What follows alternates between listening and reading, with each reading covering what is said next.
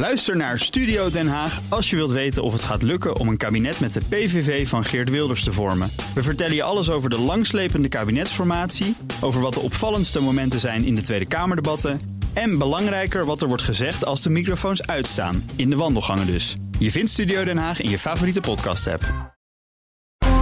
Altijd en overal live breaking news. Download de gratis BNR-app. BNR Nieuwsradio. BNR breekt politiek. Nina van den Dungen. Hartelijk welkom bij BNR Breekt Politiek op de Vrijdag. Het programma waarin luisteraars direct contact kunnen hebben met Tweede Kamerleden. Want op vrijdag is er altijd een politiek panel. Vandaag aangeschoven Alexander Hammelburg, Tweede Kamerlid van D66. En Stefan van Baarle, Tweede Kamerlid voor DENK. Fijn dat jullie er zijn. Morgen. Goedemorgen. Uh, Alexander Hammelburg, om met jou te beginnen. Eventjes wat persoonlijke feitjes. Geboren in Hilversum, toch een beetje het epicentrum van Medialand. Ik heb er niet lang gewoond. Uh, uh, nee, oké, okay, maar toch geboren is geboren. Dan heb je ook nog een vader matras. en een oom als journalist. En die ene oom, dat is een hele bekende hier bij BNR. Ze zeggen het. Ja, onze eigen Bernard Hammelburg, jouw oom dus. Had jij eigenlijk gewoon niet hier moeten staan als journalist? Ja, nou, ik dacht, uh, meer, meer dan één Hammelburg kan, kan je BNR toch, uh, toch niet aandoen. Nu sta ik hier toch. Um, uh, nee, maar zonder, zonder gekheid. Mijn plek in de politiek vind ik een hele fijne plek. Ik hou ervan om dingen te veranderen en de vooruitgang in te zetten. Dus ik kan daar mijn ei kwijt. En Bernard weet alles van de wereld. Um, en uh, staat op en gaat naar bed met, uh, met het wereldnieuws. Dus hij is hier in de en studio. En dat weer bij jou wat minder? Nee, nee, nee, want wij kunnen hele leuke gesprekken voeren. Dat het is wel erg gezellig aan de keukentafel. Ja, dat geloof ik meteen. Stefan van Baarle, geboren en getogen in Rotterdam. Ken je dat niet horen dan? Uh, nou, ik ken het niet horen, nee. Uh, nog steeds woonachtig ook in Rotterdam, hè? Zeker, Rotterdam-Zuid. Jij hebt gezegd een keer, ik ben praktiserend Rotterdammer. Wat ja. is dat dan?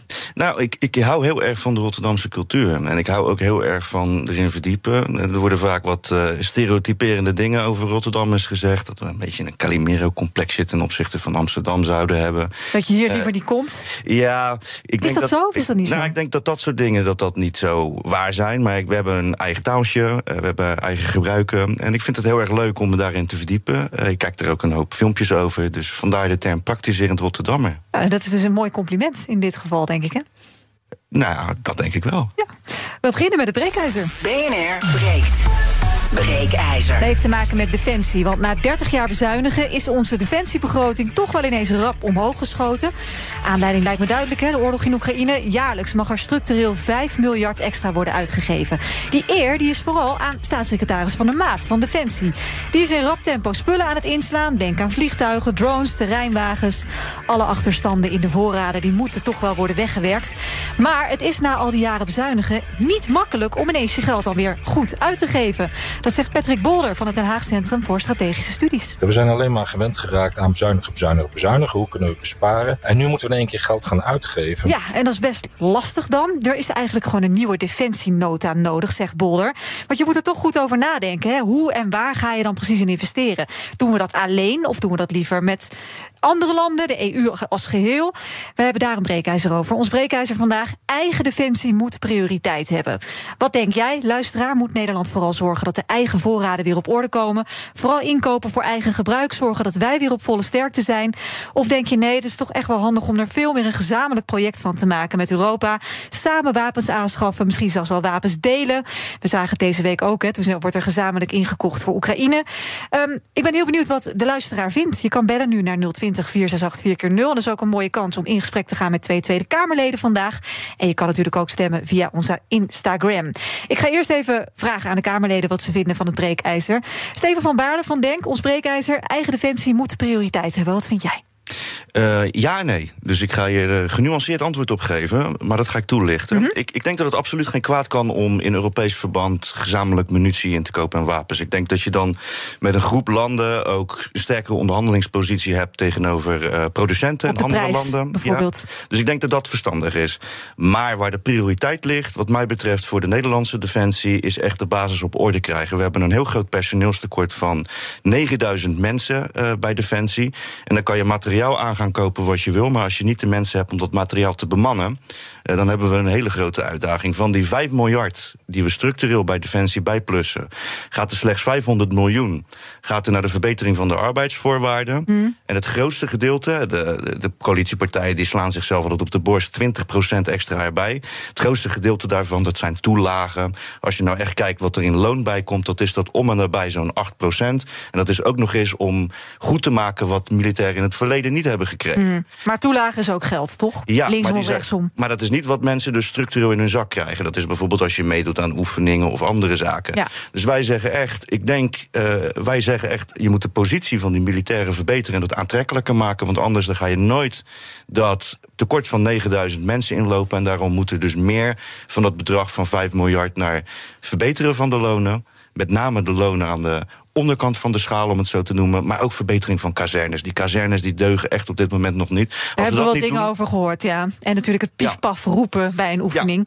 Eh. Alexander Hammelburg, ons breekijzer. Eigen defensie moet prioriteit hebben. Ehm, ja, onze eigen defensie is de collectieve verdediging en afschrikking die we binnen de NAVO en met de Europese Unielanden ook weer binnen de NAVO in gezamenlijkheid hebben georganiseerd. Een land als Nederland, maar ook een land als zelfs Duitsland, kan zichzelf niet in zijn eentje eh, verdedigen op het moment dat er echt een heet conflict ontstaat en het land wordt aangevallen. Daarom, als één wordt aangevallen, worden we alle aangevallen. En moeten we er dus voor zorgen dat we in gezamenlijkheid voldoende materieel hebben, voldoende munitie ehm, eh, om eh, een conflict af te wenden. Ten eerste de afschikking en als het zover komt, ook daadwerkelijk gewoon zorgen dat we ons grondgebied veilig kunnen houden in gezamenlijkheid. Nou, dan ontkom je er niet aan om dit in gezamenlijkheid ook te doen. Je ziet nu dat de Europese defensiemarkt eigenlijk geen defensiemarkt is. hè. De Amerikanen die hebben een hele sterke defensieindustrie en die zorgen dat ze op dit moment nog steeds voldoende materieel eh, produceren om een oorlog vol te kunnen houden en ook Oekraïne te kunnen blijven steunen. Wij als Europeanen kunnen dat niet, dus we moeten juist veel verder gaan in die samenwerking, die grenzen, die barrières die er nu nog zijn, wegnemen, de nationale belangen van de, Van de Duitsers en de Fransen wegnemen en zorgen dat wij in gezamenlijkheid veel innovatiever worden, veel sneller gaan produceren, Ja. echt gezamenlijk die markt een kickstart geven. En Maar de dan ben ik Europese Unie is daar een goede start mee. Maar dan ben ik benieuwd hoe jij dat concreet voor je ziet. Want iedereen heeft natuurlijk een bepaald bedrag wat hij, wat hij inlegt. Hè?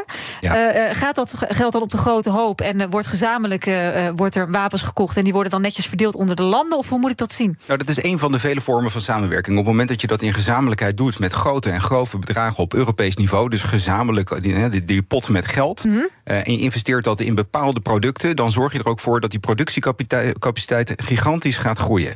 Dat is het aanjagen van die defensiemarkt.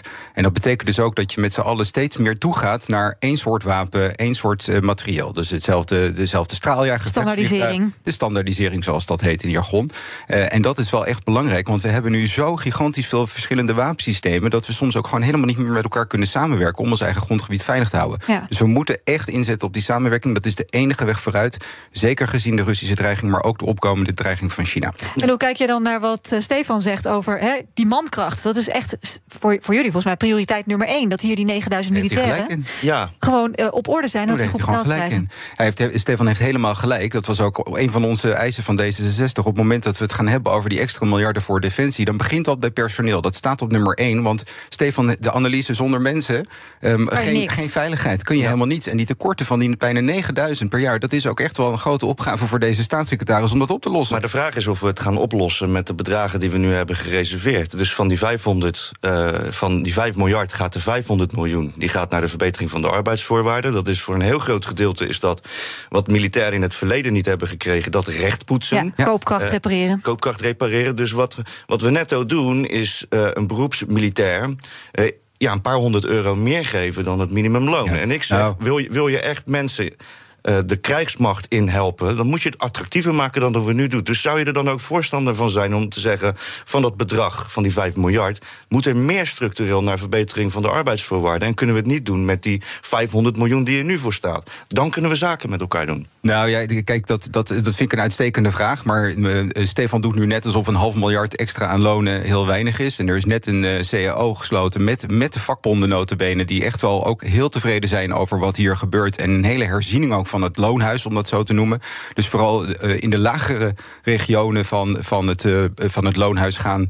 eh defensiepersoneel gaat er echt aanzienlijk op vooruit. En daar komt nog bovenop hè, dat net als uh, defensiepersoneel, net als alle andere medewerkers in Nederland, uh, je krijgt gewoon ook nu gerichte compensatie voor de energieprijzen. Um, dus er zit veel meer inkomenseffect in, ook voor het defensiepersoneel. En dan zie je dat we nu gewoon echt naar die gelijktrekking zijn uh, van, van ons defensiepersoneel met andere publieke sectoren. En zelfs een beetje meer dan dat. Ook in het veiligheidsdomein. Denk aan politieagenten. En we moeten ervoor zorgen dat het attractiever wordt. Maar je wil ook wel zorgen dat um, iemand die bij ja. defensie werkt net zoveel verdient als bij de politie. En dat je daar geen scheefheid in krijgt. En met z'n allen vind ik dat we inderdaad uh, vooruit zijn gegaan. En dat ook een goede stap is geweest. Want het personeelstekort is niet alleen bij Defensie, is ook Maar bij de politie, de ook Ja. in de zorg. Maar de vraag is of het genoeg is. En dat is wat ik ten zeerste... Is het aantrekkelijk genoeg nu? Zeker met een oorlog op Ja. eigen continent. Is het nog een hogere drempel wellicht voor ouders? Hè? Hun kinderen willen misschien in het leger. Zou je dat dan niet afraden? Ja, maar er zit nog wel een andere component Ja. aan. Want Stefan gaat nu in op het loon. En dat is heel erg belangrijk. Maar hij heeft Zeker. ook gezegd de huizing, hè, de legering. Waar Ja. slaap je Ja. en, en met welk materiaal ga je om? Als je nu met het werkveld gaat praten, dan zeggen alle militairen tegelijk: ja, wel, we willen wel weer meer loon. Maar we willen ook zorgen dat we het materiaal hebben waar we mee kunnen oefenen. Dat we in een, eh, onder een dak dat niet lekt slaapt. Dus je moet het belangrijk. geld echt gewoon op verschillende domeinen inzetten. We en gaan eventjes naar een aantal bellers. Want die reageren natuurlijk op ons breekijzer. Eigen defensie moet prioriteit hebben. Maarten, goedemorgen. Hallo, met Maarten. Zeg het maar. eh, ik, vind, ik vind dat eigen defensie geen prioriteit moet krijgen. Omdat één punt is, eh, ja, wat ik me heel erg aan stoor, is dat defensie een onderzeeboten wil gaan kopen. Ja. Nou, en die onderzeeboten zijn er pas op tien jaar, zijn ze er ongeveer. En die moeten weer allemaal aan Nederlandse specificaties gaan voldoen. Echt elke keer weer niet off the shelf. ja. Dus jij zegt, daar En- moeten we niet aan beginnen. van, Je moet, gewoon meteen, je moet gewoon meteen Europees investeren. Ja, wat ga je doen? Ga- eh, Eén tank kopen met z'n allen. Gewoon, het wordt de Panther 2 uit Duitsland. Er is geen nieuwere, geen modernere. Dus ja, er valt niet zoveel te kiezen. En blijf met je takken ervan af. Gewoon. Ik kijk eh, Alexander. Hamburg even Ja, nou, van En, en dan heb D66. ik nog een tweede vraag aan meneer Hammelburg. Kom maar. De oorlog in de Oekraïne. Dat kost zeker 500 man per dag. Doodgewond enzovoort. Hoe ga je het oplossen met een legertje van eh 70.000 man? Dat kan niet met een eh, dienstplichtig leger. Dat moet met een dienstplichtig leger, moet dat. Dat Dus kan jij zegt voor de dienstplicht weer in, want we hebben veel te Ja, weinig maar- mensen. Helder, ik ga het voorleggen, Maarten. Dankjewel voor het bellen. Nou, Alexander? eh, snel even op dat laatste. Er zijn geen Nederlandse militairen in Oekraïne. Nee, Dat gaat ook niet gebeuren. precies. Dus, dus, Daar dus we eh, niet. de dienstplicht hier in Nederland heeft er niets mee te Maar maken. stel dat Rusland verder aanvalt en we worden wel degelijk. Hè? Even hypothetisch, Ja, we, maar- we moeten ons De verdedigen. dienstplicht is officieel niet afgeschaft. Hè. Eh, Nee, is, maar wie, eh, wie doet het eh, nog, hè? Nee, maar kijk, eh, op het moment dat je eh, in een situatie terecht zou komen waar die dreiging steeds heter zou worden, en daar gaan we echt niet vanuit gezien de veiligheidsdreiging, want onze afschrikking nogmaals is echt heel sterk. Hè. Binnen Nederland de NAVO echt heel sterk. Hm. Ehm, eh, ze zullen zich wel twee keer bedenken voordat ze ons aanvallen.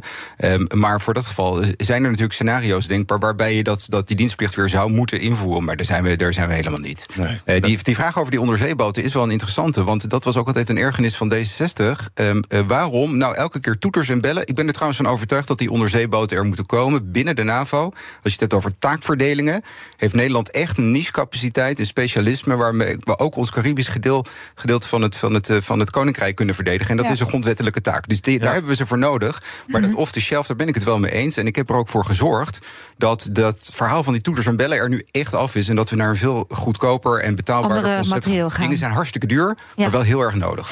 Eh, Michel, goedemorgen. Ja, goedemorgen. Ik wil er ook even op in, eh in haken. Ja? Oh, oh, ik dacht ook even weg. Nee hoor, je bent er. Eh, eh, een stukje standaardisering. Ja, dat is inderdaad wel een mooie. Daarmee kan je de eh, wapens ook vrij technisch gezien, denk ik, voordeliger krijgen. Mhm. Ehm, maar wat ik ook van mening ben, is dat ja, er wordt gesproken over nieuwe vliegtuigen en zo. Ja. Maar een paar vliegtuigen zorgt er ook voor dat de hele koninklijke landmacht, dat die in ieder geval weer bijgespijkerd is qua kosten. Ja. Want er zijn zoveel tekorten en ja, ik vind het gewoon beschamend dat ja, dat, dat gewoon rondgaat. Dat eh, ja, Nederlandse militairen niet voldoende uitrusting hebben, niet voldoende munitie hebben om te Nee. oefenen en dergelijke. Maar als ik dan zeg, Dus- Michel, eigen defensie moet prioriteit hebben, zeg je dan eens of oneens? Eh, eens, maar dan natuurlijk wel onder het kopje samenwerking met de rest van de Europese Unie. Ja. We moeten het allemaal samen doen en eh, niet alleen één land enkel. Nee, helder. Dankjewel, Michel. Stefan? Ja, als het gaat om uh, de vliegtuigen die meneer uh, aanhaalt, uh, daar, daar zijn wij het helemaal mee eens. Ehm, kijk, mijn partij die was in het verleden heel erg kritisch op de aanschaf van die onderzeeboten. Uh, gezien de Russische dreiging qua spionage bij ons in de zee, uh, zijn we er nu wel van overtuigd dat dat een noodzakelijke toevoeging kan zijn om daar ons tegen te weren. Maar als het gaat om die aanschaf van die extra JSF-toestellen, uh, volgens mij om en nabij de half miljard wat we daaraan gaan uit, uitgeven, dan zeggen we dan moeten we onze prioriteiten leggen, inderdaad, bij de basis op orde stellen. de JSF is een, is, een, is een vrij duur toestel. Uh, als je kijkt naar onderhoud, ook vrij duur. Als je kijkt naar wat we nodig hebben om ons luchtruim te verdedigen. En dan zijn dat niet de high. Uh, hoge intensiteit vluchten waarvoor je de JSF nou. doet, dat kan je met andere vluchten doen. Dus wij zouden zeggen, uh, la laten we dat niet in de JSF stoppen, wat we nu doen, met die uh, half miljard, maar laten we dat gebruiken om de arbeidsvoorwaarden en de basiscapaciteit om te worden. Ja, ja, maar dat is wel echt bijzonder onverstandig wat je hier zegt. Um, um, heel kort? Ja, heel kort. We hebben een derde squadron nodig, daar heb je die extra toestellen voor nodig. Juist vraagt de NAVO dat van ons om ook een groot deel van de noordelijke regio, de Baltische Zee en de Noordzee, veilig te kunnen houden met, in de lucht. We doen het in gezamenlijkheid binnen NAVO-verband. Daar moet Nederland dus dat aandeel ook leveren. En dat doen we hiermee. Dus het is noodzakelijk om die derde ploeg aan gevechtsvliegtuigen de lucht in te hebben. Om ook onze hele regio veilig te houden. Ook onze partners, ook de Belgen, ook de, de Scandinaviërs en ook de Baltische ja, Staten. Wat we nu doen met die na, De NAVO vraagt ook van ons om, uh, als het gaat om uh, infanteriebataljons, om daar ook de capaciteit op te schroeven. Doen we nu samen met de Duitsers dus en daar leveren we ook wat dus de NAVO de van vraag, ons vraagt. Dus dan is het de vraag, wat, wat kies je? Uh, het is voor ons de vraag of je moet investeren in een peperdeur JSF-toestel. Je het kan is ook geen kijken, keuze. Ja, dat is wel een, het, het, is wel een keuze. Je kan ook jezelf de vraag stellen of je gaat kijken naar alternatieven op de markt. Uh, maar wij leggen de prioriteit op, op, orde, op, op, op, op orde krijgen van de basiscapaciteit. En zijn gewoon heel erg kritisch op het aanschaffen van een toestel. Ja, dat is helder. 020 4684 als je nog heel even mee wil praten. Het kan nog even ons breekijzer. Eigen defensie moet prioriteit hebben. Rob, goedemorgen, zeg het maar. Ja, goedemorgen Nina, met Rob Christenbeeld. Ja, ik vind het qua munitie, dat is stand, NATO standaard munitie. Dat is prima, dat zijn de kogels en de granaten voor de houwitsers. Maar er zit een ander probleem. Er zit met de aanschaf van tanks en vliegtuigen. Bijvoorbeeld te nemen tanks. Dan heb je Kraus Maffei, die in Duitsland, dat is de enige westerse tankproducent in Europa. Nou ja, de Polen hebben bijvoorbeeld gezegd, ja, we willen niet meer afhankelijk zijn van toestemming voor het gebruik van de Duitsers. Mm -hmm. Dus die hebben een contract gesloten met de Hyundai en uh, in Zuid-Korea. En die hebben, zetten daar eigen fabrieken op. En die gaan eigen tanks en eigen panzerhouwitsers produceren. Ja. En het is, het is onderling vertrouwen. Ieder Europees land heeft zijn eigen industrie met eigen industriële ja. belangen. En jij zegt daarbij, je moet echt je eigen defensie prioriteit ja, geven. Een groot probleem is, bijvoorbeeld, we hebben heel veel Spike antitankraketten hebben we in Europa, maar die zijn geleverd door Israël. Mm -hmm. En de Israëli's willen niet dat die aan Oekraïne geleverd worden. Je hebt munitie van Oerlikon uit Zwitserland. En de Zwitsers zeggen, ja, we willen niet dat dat geleverd wordt voor Oekraïne. En daardoor to toestemming voor Leopard tanks aan Duitsland. Ja. Er gaan nu andere, bijvoorbeeld landen als Polen, die gaan nu contracten sluiten, waarbij ze niet meer afhankelijk zijn van dat soort toestemmingen. Dat ze zelf de beschikking hebben over hun eigen materiaal. Helder, je zit er goed in, Rob. Dankjewel voor het bellen. Gaan we nog even naar Maarten. Maarten, goedemorgen. Hi, goedemorgen. Zeg het maar. Hey, ja, ik, uh, ik ben het op zich al eens met die stelling. Mm -hmm. uh, maar ik denk dat, en daarin ben ik het eens met, uh, met de Rotterdammer in dit verhaal. Ja, ja Stefan. ik denk dat echt het allerbelangrijkste is, is personeel. Hè. Ik ben zelf militair en er is heel veel geld bijgekomen en dat is mooi. En de, de lonen zijn omhoog gegaan, dat is een eerste stap. Mm -hmm. Uh, maar er gaan allemaal nieuwe bataljons uh, komen erbij. Uh, maar die kunnen we helemaal niet vullen met mensen. Dus als we materiaal hebben wat niet bediend kan worden door mensen, ja, dan houdt het al snel op. Dus ik denk echt dat die. Dat Moet het die aantrekkelijker? Want je zegt van nou, ik ben op zich wel blij met mijn salaris. Maar hoe zou je het aantrekkelijker kunnen maken dan om meer mensen te werven? Uh, ja, dat is, dat is wel een lastig vraagstuk. Hè. Kijk, ik ben op zich, hè, die, die loonsverhoging, dat is een eerste stap. Uh, maar je moet veel meer inzetten op uh, uh, wat, wat, wat kan de baas bieden. Hè? Um, en ook voor in de toekomst. En ook voor jonge mensen die dus laag beginnen in de lage rangen. En dus ook door kunnen groeien. Hè? Doorgroeimogelijkheden binnen het bedrijf. Ja, ja, dus daar kan je al een hele hoop mee winnen. Dankjewel Maarten. BNR breekt. Politiek. Nina van den Deunen. Ja, met het breekijzer eigen defensie moet prioriteit hebben. Het is heel interessant wat Maarten natuurlijk aanstipt, ook als militair. Ja. Je moet het aantrekkelijker maken, maar het is heel ingewikkeld nu. Ja, maar dan moet het, hij heeft helemaal gelijk. En dat is precies wat in het debatje met mij en Stefan ook naar, naar boven kwam. Het gaat inderdaad eerst om beloning. Dat hebben we nu geregeld met die mogelijkheden. Maar vervolgens zit die, is die legering, en Stefan zei dat ook, die legering is niet op orde. Eh, dat is ontzettend onprettig werken. Maar wat je wil, als je begint met een jonge carrière bij Defensie, is dat je zeker als je een jong gezin hebt, dat je relatief meer gaat verdienen. Dus de verschuiving van de oudgediende naar de jongere garde, Mhm. eh, ook in beloning, is nu, is nu geregeld. Dat is iets heel moois. En wat je, wat je ook wil, is dat op het moment dat jij een paar jaar bij Defensie hebt gewerkt en je wil je ergens gaan specialiseren in je professionele carrière en je wil een uitstapje maken, dat was nu altijd heel erg onmogelijk.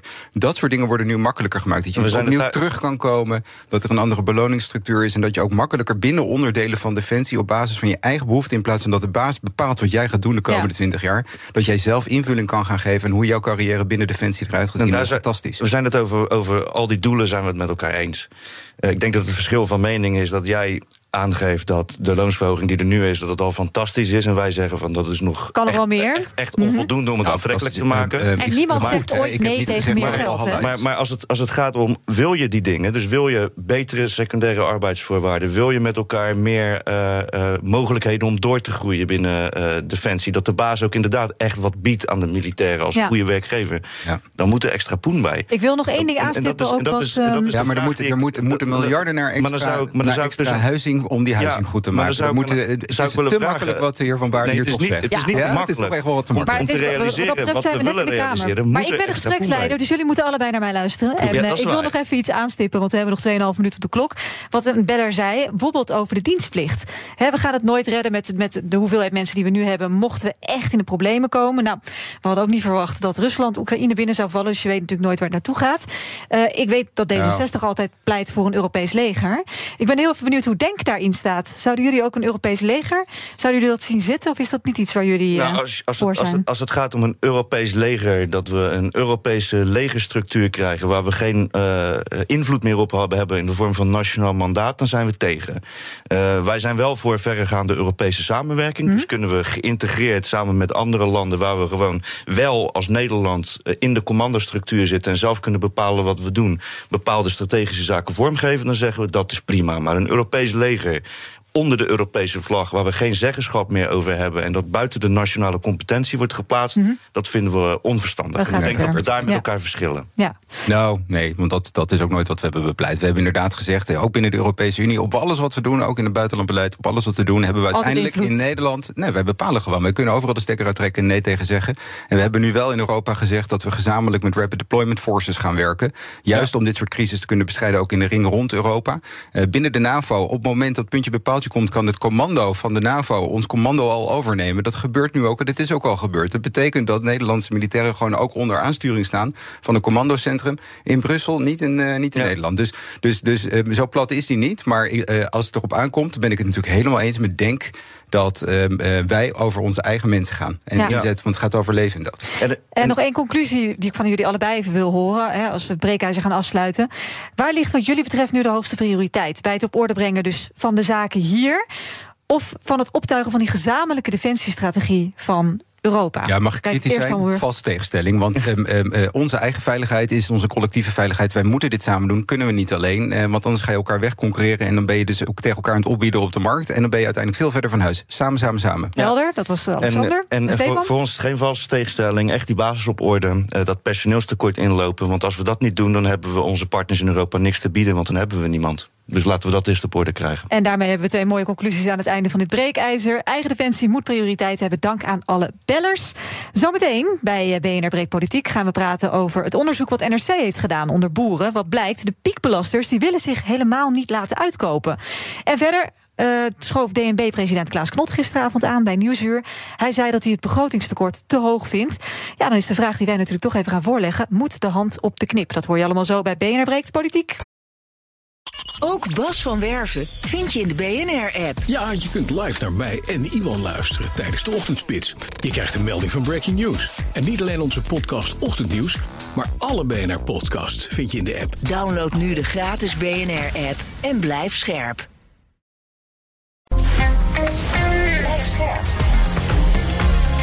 BNR Nieuwsradio. BNR breekt politiek. Nina van den Dungen. Drie minuten over half twaalf. Fijn dat je luistert naar BNR Breekt Politiek. En in mijn panel vandaag Stefan van Baarle van Denk... en Alexander Hammelburg van D66, twee Tweede Kamerleden uiteraard. We gaan het hebben over de actualiteiten van vanochtend. Want uh, boeren die de meeste stikstof uitstoten, de zogenaamde piekbelasters... die zijn het minst bereid om zich te laten uitkopen. Dat blijkt uit een rondgang van NRC. Maar als de boerenbedrijven met de meeste uitstoot niet willen stoppen, ja, dan zullen elders in het land natuurlijk veel kleinere boeren de problemen moeten oplossen. Dus ja, dan moet je er meer uitkopen op een andere plek. Ik zou zeggen, Alexander Hammelburg van D66, daar gaat de vrijwillige uitkoopregeling. Nou ja, eh, alles is zorgelijk natuurlijk op dit moment. We hebben nu al gezien dat het land op slot gaat, dat we geen woningen meer kunnen bouwen, dat we geen wegen meer kunnen aanleggen, dat eh, de aanleg van nieuwe OV-lijnen, denk aan de Lelylijn naar het noorden, dat het allemaal nu op losse schroeven staat. Het loopt vast, het land. We staan echt eh, in stilstand. Uh, dus we moeten een weg vooruit vinden. Uh, en en ja, het is linksom of rechtsom. En natuurlijk doe je dat in het aller, op het allerliefst in gezamenlijkheid. Ja, het blijft vrijwillig, toch? Um, uh, ja. en, um, als ze niet willen? Als ze niet willen, dan? hebben we wel een probleem. We moeten het probleem oplossen. Dat vindt ook iedereen. Um, dus dus ja, ik roep ook echt iedereen op om in gezamenlijkheid daarin mee te denken. Want, want we kunnen niet langer wachten. Zo simpel is het. Dan hebben we straks geen huizen meer. Nee. Stefan? Weg met de vrijwillige regeling? Nou, eh, weg met de vrijwillige regeling. Ik denk dat het eerst noodzakelijk is dat er überhaupt goede vrijwillige regelingen komen. Dat duurt allemaal veel te lang. Eh, er zijn uh, inderdaad een heel groot gedeelte van die piekbelasters die willen niet stoppen. Maar er is ook een gedeelte dat wel al wil stoppen. En het niet de mij, grootste. Nee, maar het, het, verbaast mij wel dat het zo lang heeft moeten duren voor er überhaupt goede uitkoopregelingen liggen voor die boeren die wel uh, willen stoppen. We hadden al lang aan de slag kunnen gaan met provincies om het ongedwongen te doen. En voor die piekbelasters die inderdaad zeggen: uh, wij willen het niet, zal je inderdaad op den duur een gedwongen vorm van instrumentarium moeten hebben. Want de realiteit is inderdaad: wil je in de toekomst weer kunnen bouwen, wil je iets in infrastructuur kunnen doen, uh, dan zal je uh, iets moeten doen aan de stikstofuitstoot. Maar het verbaast mij echt ten zeerste, en dat is ook de kritiek die ik heb op het kabinet, waarom het zo lang heeft moeten duren met perspectiefbrieven en ministers die vallen, om gewoon al aan de slag te gaan voor die groep boeren die wel wil stoppen. Want die zijn er. Ook een klein gedeelte. Ja, uh, Stefan zegt aan de slag, dat zeg ik ook. Het duurt allemaal zo verschrikkelijk lang. Uh, terwijl de problemen zich opstapelen. Uh, we hadden tien jaar geleden al besluiten moeten nemen. Mm. en programma's moeten uitrollen. Dus, dus eens, snelheid, snelheid, snelheid. Ja. Want de problemen stapelen zich op. Ja, wat ik, ja. Maar wat ik vooral zie in de, in, in de coalitie... ik zie dat er heel veel ruzie wordt gemaakt. dat er nu in de Tweede Kamer ook campagnefilmpjes worden gestuurd... dat men elkaar uitscheldt in de coalitie. daarvoor was het Wopke Hoekstra weer met stevige uitspraken. Tjeerd de Groot, die lust er ook wel pap van. Dan denk ik bij mezelf, jullie lopen over elkaar heen te dentelen. Maar we hebben zoveel tijd verloren om gewoon aan de slag te gaan. Met vrijwillige regelingen. Om die boeren te helpen die gewoon zelf willen stoppen. Waarom is er zoveel tijd besteed aan adviezen, aan remkes, aan over elkaar heen dentelen. En is er niet gewoon gehandeld? Dat is mijn grote ergernis van dit kabinet en deze coalitie. Het is wel alsof ik naar Tjert Groot luister. Dit is precies wat wij, uh, wat wij zeggen. Um, we hebben geen maar tijd. jullie zijn er onderdeel van. Nee, we, jullie hebben het niet kunnen regelen in de, de coalitie om aan de slag te gaan. Dat is, uh, dat is natuurlijk niet waar. Wij hebben uh, de verantwoordelijkheid genomen inderdaad om in de coalitie te stappen. Juist om ervoor te zorgen dat, dat het sneller gaat. Um, ja, je ziet allerlei problemen en allerlei bezwaren en allerlei obstakels. En politici die over elkaar heen buiten. Maar onze boodschap is boodschap vast. En dat is precies de boodschap die jij ook net, net ja, vertelde. Maar is dus het dan voor jou net zo'n frustratie als voor Stefan ja, dat het gewoon totaal niet opschiet? Ik wil dat onze jongeren perspectief krijgen. Dat ze gewoon een woning kunnen krijgen. En niet tot een 35ste bij hun ouders moeten wonen in een klein stadsappartementje. aan de andere kant kan je ook zeggen: kijk, we moeten inderdaad snel aan de slag. En dan moet je op bepaalde onderdelen niet dogmatisch zijn. Laten we die 2030 noemen. Als we nou met elkaar zeggen dat je met die eikmomenten van Remkes niet dogmatisch doet over die datum 2030. Volgens mij is dat ook een bezwaar bij de andere coalitiepartijen ga daar nou gewoon in mee. Als D66 zou ik zeggen, om maar aan de slag te gaan. Gewoon die, die datum ik, losmaken, ik kijk niet dat dogma, Ik kijk niet naar dogma, dogmatisch naar 2030. Ik vind wat Remkes heeft gezegd verstandig. Als we vijf jaar uh, daarvoor een eikmoment doen... en we zien dat het niet goed genoeg gaat... dan moeten we extra, extra's doen. Ja.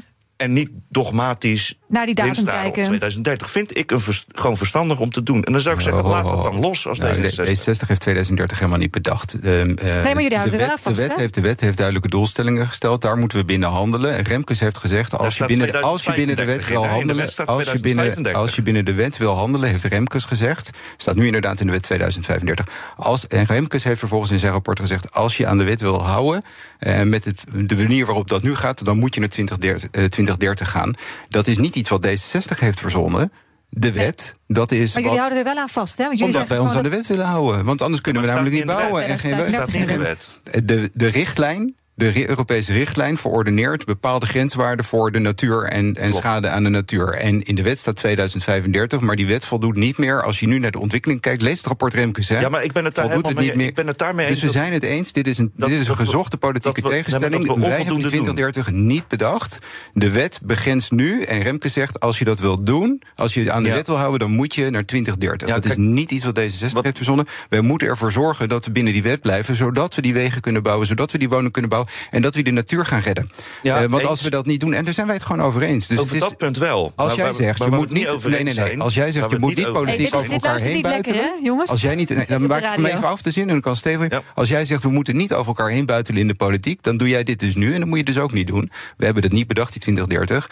Het is heel simpel. Als wij ons aan de wet willen houden, natuur willen herstellen en woning willen bouwen, dan moeten we doen wat Remkes ons heeft opgedragen. Ja, en wat, en wat mijn bezwaar is, is dat 2030 een soort symbool is geworden. eh, waardoor we totaal geen vooruitgang meer boeken. Ja, omdat iedereen nu op die En- datum en, en, ik zou daarom zeggen dat als er politieke partijen zijn die zich dogmatisch focussen op 2030, en daar zie ik D66 wel als voorbeeld van, dan doen we, doet, doet D66 ook mee aan die symboolpolitiek. En ik zou zeggen, laat dat varen en laten we aan de slag gaan, want Ja, we zijn nu al twee jaar verloren. Punt gemaakt. Ik wil nog even naar eh, het laatste op dit punt. Dus namelijk het, het woest aantrekkelijke aanbod. wat moet gaan komen vanuit Den Haag, de provincies. naar de, boer- de boeren die uiteindelijk moeten worden uitgekocht.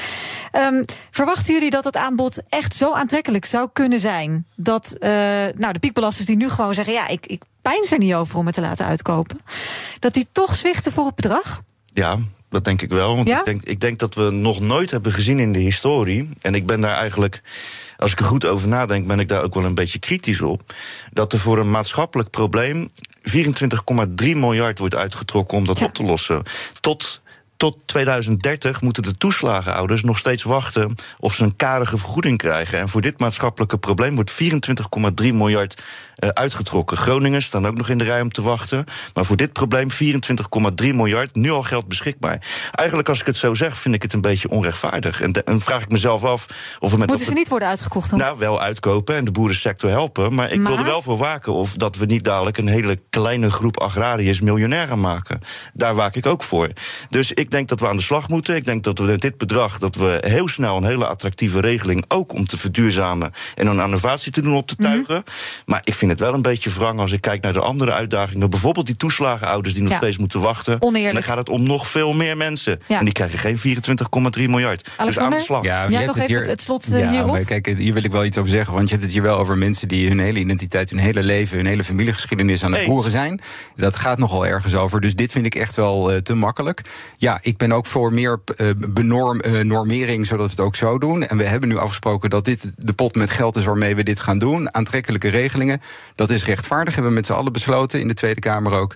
Dus hier gaan we mee door. Ehm, ehm, maar we moeten ook wel nadenken over het gevoel dat binnenheerst bij deze boeren. Zeker. En daar niet aan voorbij gaan. Oké, dat ben ik helder. helemaal met je eens. We gaan naar een eh, eh, volgend actueel onderwerp. Dat is het begrotingstekort in Nederland. Het is te hoog. Dat zegt althans Klaas Knot, president van de Nederlandse Bank. Dus we zitten nu op 3%. En ik denk historisch gezien hè, dat een rente van 3% niet voldoende zal zijn om een inflatie die op dit moment nog steeds hè, 8%, eh, de totale inflatie, bijna 6%, de onderliggende inflatie in de eurozone. Ja, dat kun je niet te lijf met slechts rentes van 3%. Nou, dit zei hij gisteravond bij Nieuwsuur. Eh, hij zei ook, we moeten bij de begroting voor 2024 heel goed nadenken... waar dekking wordt gevonden voor die grote uitgaven die we willen doen. Hè? De boeren uitkopen, maar ook de energiecompensatie geldt voor Groningen. eh, geldt voor de toeslagenouders. Ehm, kunnen jullie je vinden in de zorg van Knot? Stefan van Denk, om bij jou te beginnen.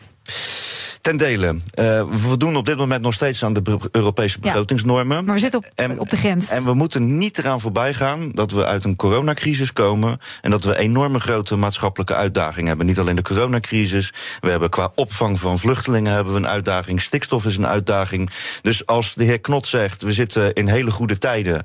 Uh, ik durf dat te betwijfelen. We hebben hele grote uitdagingen met elkaar in het land. We voldoen op dit moment nog aan de regels. En ik ben geen dogmaticus als het gaat om die begrotingsregels. Nee. Het is een, een, een, instrument om ervoor te zorgen dat in de toekomst die begroting op orde is. Dat moeten we ook doen door in de langere termijn van de grote vermogens. Mm en de winstgevende bedrijven iets meer te vragen en dit op een verantwoorde manier af te gaan lossen. Uh, maar we gaan niet uh, nu al op een onverantwoorde manier. Geen hand op de knip, zeg nee, jij. Absoluut niet doen. niet doen. Dan ga je de economie kapot maken en mensen in de portemonnee raken. Dat moeten we niet doen. Alexander Hammelburg van D66. Ja, uh, Klaas Knot heeft natuurlijk heel veel meer ook in de Kamer gezet, gezegd. En dit was in het teken van hoe ga je met inflatiebestrijding om. Mm -hmm. dus ik snap zijn signaal naar de politiek en, en heel goed. En dat is ook zijn, zijn rol. Uh, tegelijkertijd heeft dezelfde, dezelfde knot uh, ook gezegd: pas op met het niet aan willen pakken, bijvoorbeeld van klimaatverandering, want de kosten in de toekomst zijn vele malen hoger. Uh, dus er zijn er meerdere uitspraken. Nou, je moet, het heel, je moet een heel slim pakket hebben. En als we nu kijken naar de huidige staat van de staatsschuld, dan staan we er best heel goed voor. Um, eigenlijk staan we er best zo goed voor dat, zoals we dat in 2008 voor de bankencrisis en de financiële crisis stonden. Mm -hmm. En met die staatsschuld hebben we toen, en dat was ook zijn punt natuurlijk van Klaas Knot, zorg ervoor dat die financiën zo op orde zijn dat je in toekomstige crisis ook weer aan kan.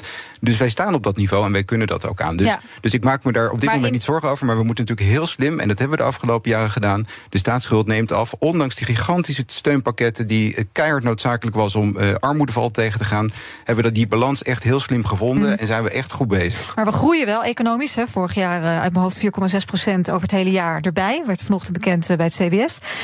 je zou zeggen, juist als het economisch relatief gezien goed gaat. Hè, Stefan zegt van ja, kunnen we er ook nog wel kanttekening bij plaatsen. Dat is wel het moment waarop je dit soort dingen op orde moet krijgen. Dus ja, een begrotingstekort, dat we nu precies op het randje zitten. En we hebben nog grote uitgaven te doen. Het gaat niet alleen over begrotingstekort, het gaat ook over de staatsschuld. Nou, daar zei ik net al, die is op orde. Het gaat over de houdbaarheid van de financiën in zijn geheel. Daar staan we er heel goed voor. Dus jij zegt ook dus geen is... reden om de broekriem nu een beetje aan te halen? Ik zeg uh, nee, bezuinigingen, nee. Maar ik, ik, ik nee. zeg wel, je moet heel slim kijken hoe je het pakket samenstelt. En daar vallen geen platitudes bij en daar zit die nuance in. En uh, Stefan die zei, die, die zei dat eigenlijk ook.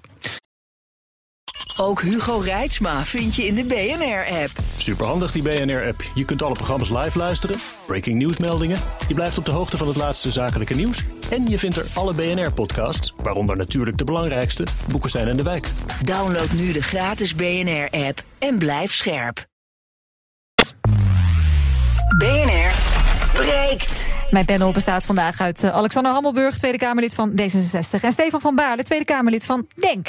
We vragen jullie aan het einde van de show, we hebben nog 10 minuten hoor, dus rustig aan. Maar uh, om een onderwerp mee te nemen wat je zelf wil agenderen. Waarvan je zegt, nou dat verdient eigenlijk gewoon wel wat meer aandacht in de media en in Den Haag.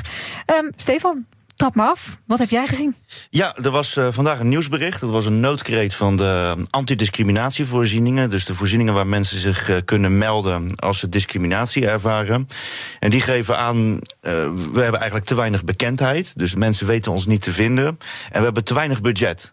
En dit staat voor mij eigenlijk symbool voor iets wat ik in dit kabinet, in deze coalitie, zie als probleem. Namelijk dat er hele mooie dingen staan in het coalitieakkoord over discriminatiebestrijding. Maar als we kijken naar de poen, dan valt het gewoon enorm tegen. Als ik aan de minister van Binnenlandse Vragen, Zaken, coördinerend minister discriminatiebestrijding vraag. Kunnen we een publiekscampagne doen om die ADV's meer bekendheid te geven? Hmm. Dan is het antwoord: dat wil ik wel. Staat ook in het nationaal programma. Maar er is geen geld voor hem. Er is slechts een karige uh, half miljoen is er bijgekomen in het coalitieakkoord als het gaat om discriminatiebestrijding. En ik weet dat D66 dit een heel belangrijk onderwerp vindt en dat ze er ook voor hebben gestreden. Maar als ik kijk naar de financiën die erbij horen, dan ben ik echt in deze coalitie, maar met name in D66 ben ik teleurgesteld dat we er zo hard voor moeten strijden om, om, om een klein bedrag voor elkaar te krijgen voor een publiekscampagne en wat extra maar ja, geld er voor de zijn natuurlijk ook andere mogelijkheden hè, waarop, uh, waarop meer bekendheid vergaard kan worden. Moet er meteen een complete sieren publiekscampagne ja, tegenaan? Zeker. En dat staat ook in het, in het nationaal programma uh, van de coördinator tegen discriminatiebestrijding. Dus die geeft ook dat advies om dat te doen.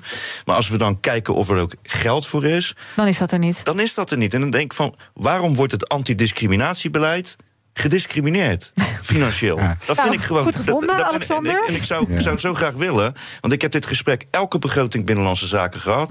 Ik heb het geprobeerd met Salima Belhaai op te pakken, D66-Kamerlid. En elke keer zien we bij de begroting, er komt niks bij. Waarom?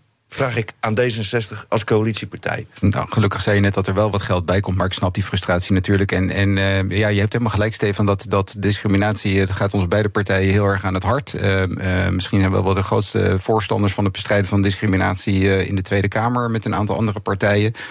En inderdaad, op het moment dat je dat doet en je constateert dat er te weinig geld is, dan moet je daar naar kijken. Maar de nationale coördinator is nog niet zo heel lang geleden begonnen. Er zijn ook extra taken bijgekomen. Ehm, eh, daar is dus extra geld bij gekomen. En de vraag was inderdaad: ga nu het komende jaar, komende twee jaar kijken hoe je daarmee uitkomt en wat er nog meer nodig is. Nou, we zijn nu bijna aan dat punt eh, beland. Eh, ergens in het najaar zijn, de, zijn er weer gesprekken over. Ehm, ik ben geen woordvoerder, want dat is Salima. Dat zei je heel erg goed. Dus ik durf nu niet te zeggen wat de huidige stand van zaken is. Pin me daar alsjeblieft niet op vast. Had je me een uur geleden even moeten bellen, dan had ik haar even gebeld. Ehm, maar kijk, het is zonder meer waar dat die nationaal coördinator en alle di- antidiscriminatieprogramma's ehm, eh, hun werk moeten kunnen doen. eh, en effectief moeten kunnen zijn. Daar moeten we echt serieus naar kijken. Ik heb zelf net de grondwetwijziging artikel 1 gedaan. Hè. Het non-discriminatieprincipe eh, beginsel in de grondwet is nu eh, uitgebreid eh, sinds vorige maand. Ehm, eh, dus inderdaad, je vindt mij eh, aan je zijde in deze strijd tegen discriminatie. Eh, en eh, laten, we, laten we gewoon de komende maanden verder kijken. En eh, volgens mij kan jij prima met Salima door één deur. Dus komt eh, komt dat, eh, Ja, dat, dat, ik, kijk, ik twijfel niet aan de intenties van, eh, van D66. Maar ik hoop gewoon, dadelijk hebben we de voorjaarsbesluitvorming. Moet prioriteit hebben Dan, in jouw dan, ogen. worden de, dan worden de claims weer ingediend, ook voor de begroting. En, en mijn oproep is: ik zie dat dit in de afgelopen tijden eh, is vergeten. Dat wij eh, bij de begrotingen, bij de algemene beschouwingen, dat wij het moeten rechtpoetsen om extra geld te krijgen bij die voor die Nationaal Coördinator Discriminatiebestrijding. En mijn oproep in de richting van D66 is: vergeet dit gewoon deze keer niet. De oproep. Nou ja, dat hebben we dus niet gedaan. want Om, om een extra claim eh, te doen, om ervoor te zorgen dat er meer geld komt voor Ja, nou, dat discriminatie. hebben we dus niet gedaan, want we hebben dat extra geld eh, dus geregeld. Maar je moet ieder jaar altijd weer kijken of het voldoende is om je doelen te behalen. Eh, tegen discriminatie. Alexander, wat heb jij meegenomen aan nieuwtje? Nou ja, dat is wel iets eh, interessants. En dat is denk ik wel iets waar eh, D66 en Denk heel anders eh, naar kijken. We hebben het al jaren over de opkomende macht van China. En hoe afhankelijk Nederland en Europa van China zijn. Als je nagaat dat één op de acht producten van Nederland, in Nederland uit China komen. Je zag het met de coronacrisis en nu ook met de oorlog in Oekraïne. Dat, dat de prijzen enorm opdrijft. Ehm, en dat wij onafhankelijk moeten worden van, van China. Zeker als ze sterker worden en we in conflict met hen dreigen te komen. Dus moeten we ons gaan richten op handel met andere landen. Zuid-Amerika. Bijvoorbeeld Zuid-Amerika. En, ehm, eh, eh, en het gaat over een aantal landen in Zuid-Amerika. Een Mercosur-verdrag bijvoorbeeld, maar ook een handelsverdrag Welke landen met Chile. Eh, dat zijn Brazilië, Paraguay, Uruguay en Argentinië. En, en wij Ja. moeten ervoor zorgen dat wij, ook met landen overigens in Afrika en Azië, steeds meer handel gaan drijven en minder afhankelijk worden van China. En wat schetst nou mijn verbazing? Iedere keer als die verdragen, waar ik ook wel eens kritiek op heb, hè, het kan altijd beter, maar iedere keer als die verdragen langskomen in de Tweede Kamer, dan stemt nu de meerderheid van de Tweede Kamer tegen een nieuwe handelsverdrag. Een er met Zuid-Amerika. Ja, zo komen we natuurlijk nooit af van die afhankelijkheid En waar van zit even in één, in één of twee zinnen, waar zit dan die pijn? Waarom stemmen zoveel mensen tegen? Nou, eh, er zijn verschillende motieven. De Partij voor de Dieren zegt dit is eh, slecht voor, eh, voor het Amazonewoud. Nou, daar wordt nu naar gekeken. Daar zijn er verbeteringen. Dit verdrag Ja, gaat dus het milieuredenen? verbeteren. Ja. Milieuredenen. Ehm, er zijn er, dan is Caroline van der Plas en die zegt... ja, dit is slecht voor de Nederlandse boeren. Nou, niet waar, want de agrarische sector gaat er zelfs een klein beetje op groeien... met, dit- met dit verdrag. Ja. Dus er zijn allemaal redenen voor, ja, behalve de vleestelbedrijven... maar de rest van de agrarische sector gaat erop vooruit. Ik zie Stefan knikken, dat zien ik ben benieuwd, denk, niet. eh, als in Stefan, waarom, waarom stemt Denk dan bijvoorbeeld tegen zo'n verdrag? Ja, het, het, ver- het verbaast mij zo dat D66 in deze eh, zo tegen eh, het klimaat en verduurzaming is. En dat D66 in deze ook voor het beschermen van rechten van arbeiders is. Eh, want wat we in de praktijk gaan zien is dat alle handelsbelemmeringen worden weggenomen om producten, landbouwproducten, de Europese markt te laten overspoelen die op een veel klimaatonvriendelijkere manier zijn geproduceerd dan de producten in Europa. En de, En natives, en de natives in het Amazonegebied, die, die, die hebben zelfs een oproep gedaan van doe dit niet, want het is slecht voor ons. Dit gaat inderdaad nog meer Amazonewoud kosten. En de arbeidsvoorwaarden zijn veel slechter. We houden hier producten binnen die op basis van slechtere arbeidsvoorwaarden zijn geproduceerd. zijn. En als ik kijk naar dat verdrag. Daar staan allemaal open deuren in. Van ja, we committeren ons om een hoge standaard van eh, arbeidsvoorwaarden te hebben. Ja, wat is dat? Dat, dat? Daar kan je niemand op afrekenen. Dat zijn allemaal open deuren. Dus wat D66 doet in deze, is met veel te weinig voorwaarden. Want ik heb de verdragteksten gisteren, gisteren nog even op nageslagen. De deur openzetten voor producten die vervuilender zijn en slecht zijn voor de arbeidsvoorwaarden. En dat lijkt me zeer onverstandig. Nee, die handel die vindt sowieso plaats en die groeit. Uh, en die handel die is nu, er is geen dialoog tussen Europa en Zuid-Amerika over hoe die handel moet plaatsvinden. Hoe je het Amazone-regenwoud beschermt. Hoe je die in de, de, inheemse bevolking in het Amazonewoud beschermt. Hoe je ervoor zorgt dat de arbeiders in de fabrieken, ook in Brazilië, zijn beschermd. Door dat verdrag met ze te sluiten, open je de, juist die dialoog en kun je aanvullende afspraken maken. Die worden dus nu op dit moment uitonderhandeld. Daar kennen we de uitkomsten nog niet van. Daar ga ik ook kritisch naar kijken natuurlijk.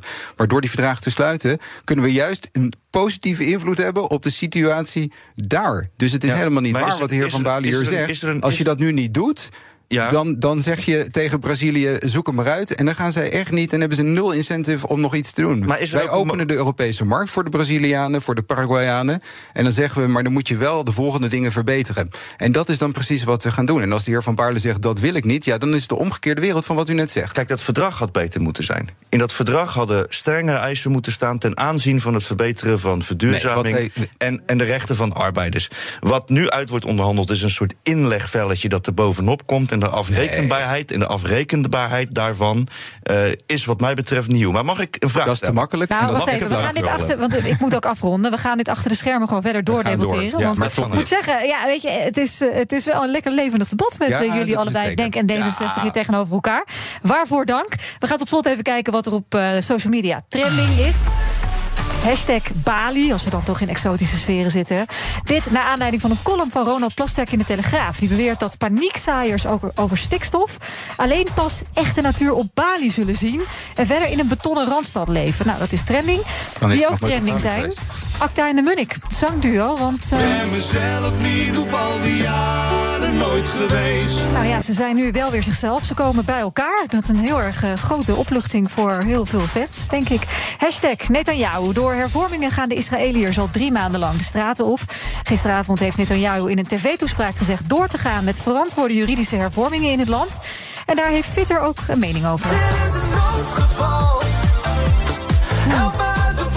Dat was niet dit, maar wel Goldband hoor je hier. Dus de Haagse band die eh, een eh, grote winnaar werd bij de 3FM Awards. En dat waren de social eh, trending dingetjes. Dit was BNR Breek Politiek voor vandaag. Dank aan mijn panelleden Alexander Hammelburg, Tweede Kamerlid voor D66.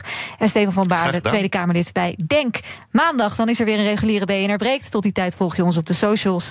En zometeen om 12 uur kan je natuurlijk blijven luisteren. Zou ik doen naar Zaken doen met Thomas Ozel. Fijn weekend. Ook Diana Matroos vind je in de BNR-app. Ja, inderdaad. Je kunt live naar mij luisteren tijdens de Big Five. Ook handig in de BNR-app. Breaking nieuwsmeldingen, maar ook het allerlaatste zakelijke nieuws. En je vindt in de app alle BNR-podcasts, waaronder Wetenschap Vandaag. Download nu de gratis BNR-app en blijf scherp.